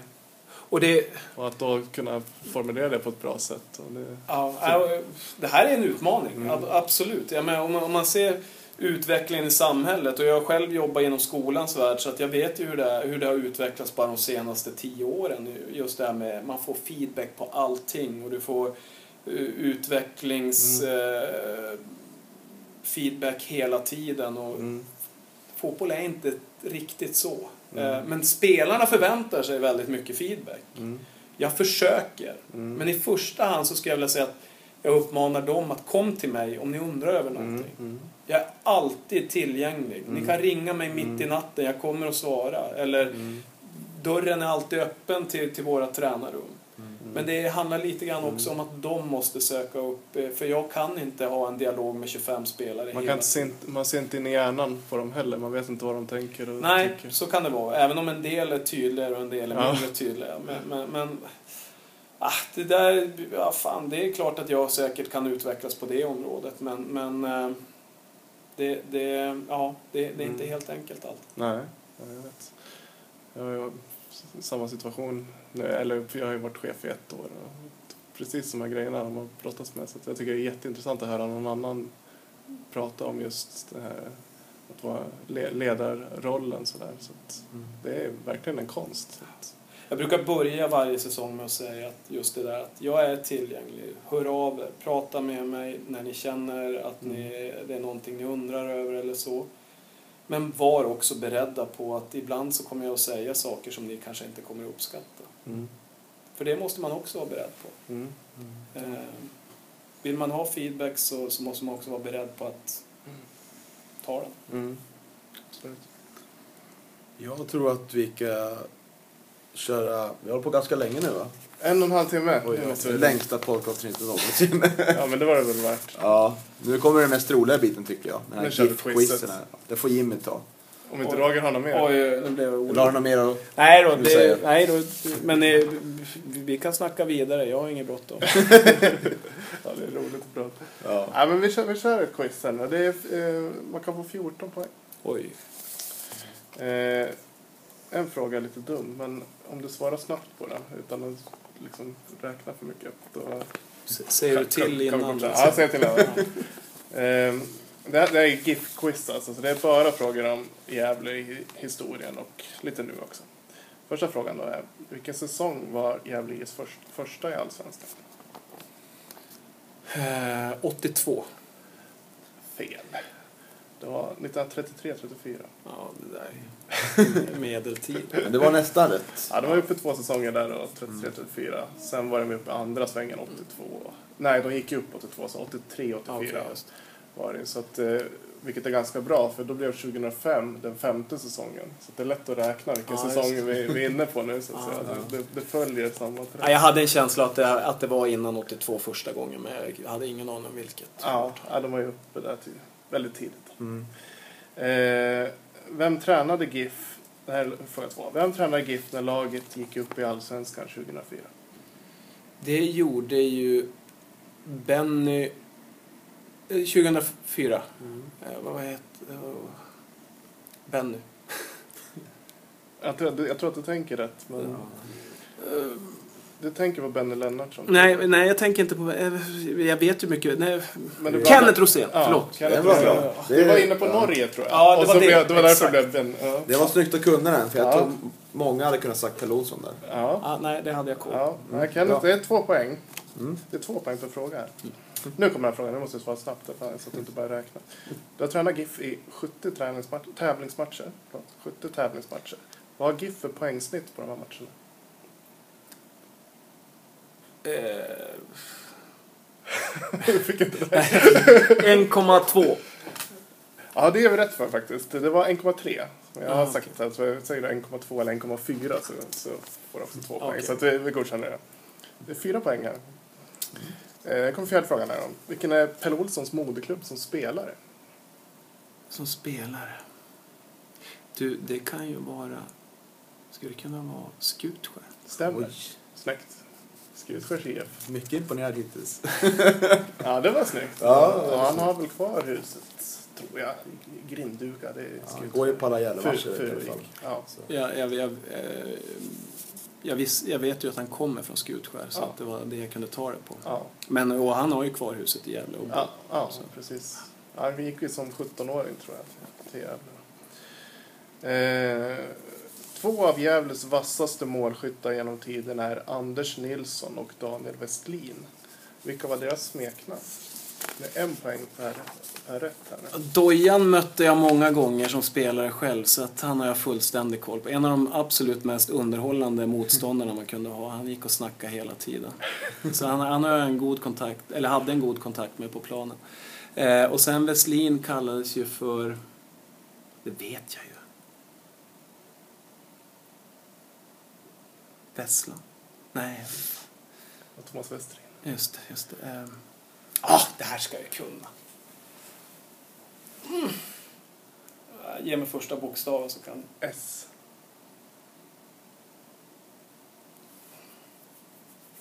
Nej, fan. Det kan ju finnas något gemensamt här med Dojan och... Sulan. ja. Åh, det borde jag kunna. Fan. Nej, det, nej, det får nog vara ett. Ja. Ja. Det får vara på Dojan. Hur mycket har han då, Niklas? Nu ska vi räkna här. Jag tror jag är uppe i sju poäng då. då. Vad är godkänd? Eh, jag vet inte. Vi kan, Ja, sju vi kan poäng. en Sju. stor analysen efter. Ja, sju poäng har jag hittills. Men nu kommer snabbisarna här. Jag säger en klubb och du svarar om, de ligger för, om klubben ligger före eller efter Gävle i den allsvenska maratontabellen. Mhm. Sandvikens IF. Före. Stämmer. Ett poäng. GIF Sundsvall. Efter. Rätt. IFK Eskilstuna. Efter. Ja. IK Brage. Före. Ja. Trelleborgs FF. Före. Ja.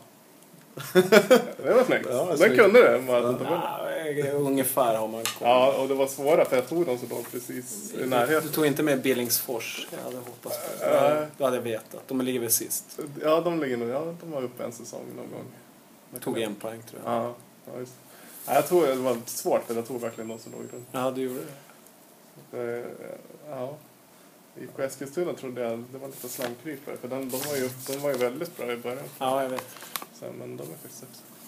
Ja, det var 11-14 rätt. 11 och 14 är bra. Det är mycket bra. Ja, det, det är jag nöjd med. Jag är fortfarande lite irriterad på Sulan. Ja. Ja, glänste ju med snabbisen alltså. ja, det var många lite luriga frågor här faktiskt. Så, ja, det är riktigt bra. Ja. Ska vi ta en runda av? Vi kan ta en runda av. Vi får tacka Roger så jättemycket för att du tog dig tid. Eh, Det är inte så lätt under säsongen men det är kanon när man kan få den här tiden efter och, Ja, nej, men och det, tömma ut sådana här saker. det är bara trevligt och jag kan eh, absolut tänka mig att göra det under säsongen. Det är bara ni hör av er. Ja, Ja, trevligt. Ja, toppen. tackar Jimmy också. för Ja, tack. Tackar Niklas också. Ja, tack. Yes, tack och hej.